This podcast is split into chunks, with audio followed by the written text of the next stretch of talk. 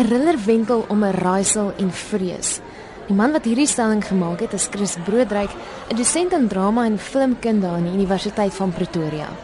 In baie gevalle wendel die idee van 'n raaisel en 'n riller rondom 'n sekere identiteit, dalk die identiteit van 'n sekere moordenaar. En dan die tweede punt is die idee van 'n moordenaarsfiguur wat daarop uit is om mense dood te maak, met ander woorde om die idee van vrees te bevorder. So die idee van raaisel en vrees praat baie met mekaar. Vrees wat ingeboesem word by die kyker en ook vrees wat in 'n karakter kan posvat, soos wat die karakter heel moontlik probeer om die raaisel binne in die thriller op te los. Die elemente wat Broodryk hier beskryf is duidelik te sien in Johnny Breed se rolprent Die Ontwaking. Nou hoewel Afrikaanse thrillers skaars is, het hierdie een tog belangstelling uit verskeie oorde geprikkel. Die bekende speurder Piet Beileveld het die geleentheid bygewoon. Hy het al 9 reeksmoorde suksesvol ondersoek. Ek wil graag sien uh, of die werklikheid of hulle dit na in die werklikheid kan bring of wel nie. Onthou 'n reeksmoord is 'n ander tipe misdadiger. Hy opereer alleen, jy moet storie ken en ek hooplik ek sien uit daarna. Hoopelik gaan dit baie grens in die werklikheid. Beileveld sê daar is kenmerkende eienskappe wat reeksmoordenaars in gemeen het. Hy het 'n paar genoem waarna mense op die uitkyk moet wees daai tipe persoon so baie hoogs intelligent, smooth talker, baie netjies aangetrek, gekleed en ek sê hy gaan jou op 'n beslinkse manier gaan jou nader. Het sy net op 'n manier om te sê kan ek jou geniet, kan ek jou pakkie dra by die winkelsentrum, kan ek jou geniet gee in 'n huurmotor, wees by dag op daai persone. En hulle taalgebruik is uniek, fantasties. Ek het agter wel meeste van hulle wat ek gearresteer het was swart, is nou ook blankes wat ek gearresteer het. Fantasties, hoogs intelligent, uitstekend intelligent en en netheid verskriklik opvallend toe. En toe pas op as hulle begin ook praat oor Christendom. So in die blou tyd. Nee nee, be careful. Na afloop van die rolprent het ons hom gevra wat hy gedink het. Wel, uh, goeie akteurs in eerste, briljante. Goeie spelers. Reesmoordenaar.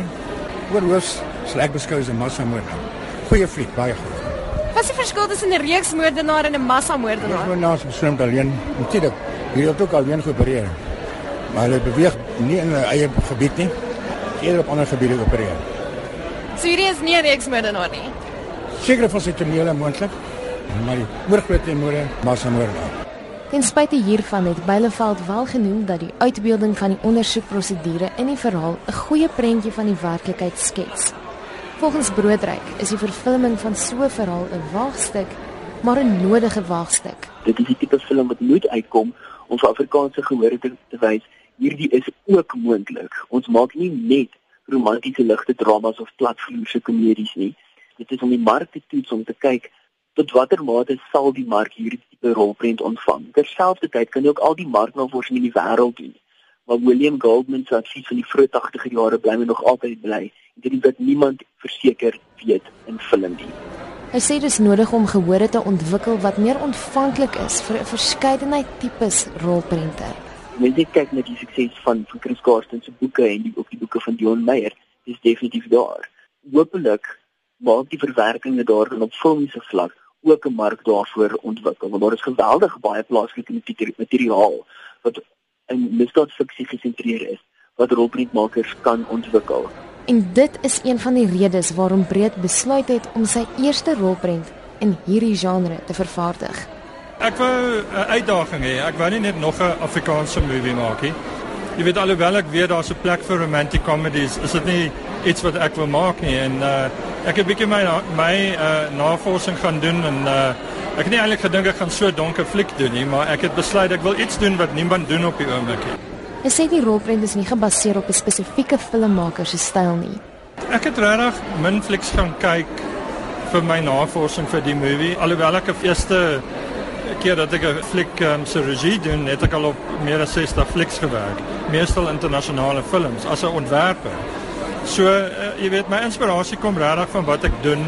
Jy weet in hierdie genre sal ek sê ek hou nie vreeslik baie van thrillers nie, maar ek ek hou meer van 'n psycho thriller soos Silence of the Lambs. En die storie was baie naby aan die storie van Silence of the Lambs. So jy weet daai daai ouens en Anthony Hopkins, hulle het my geïnspireer om om iets te maak in Afrikaans wat jy weet in daai tipe genre is en maar ook 'n goeie gehalte fliek, jy weet.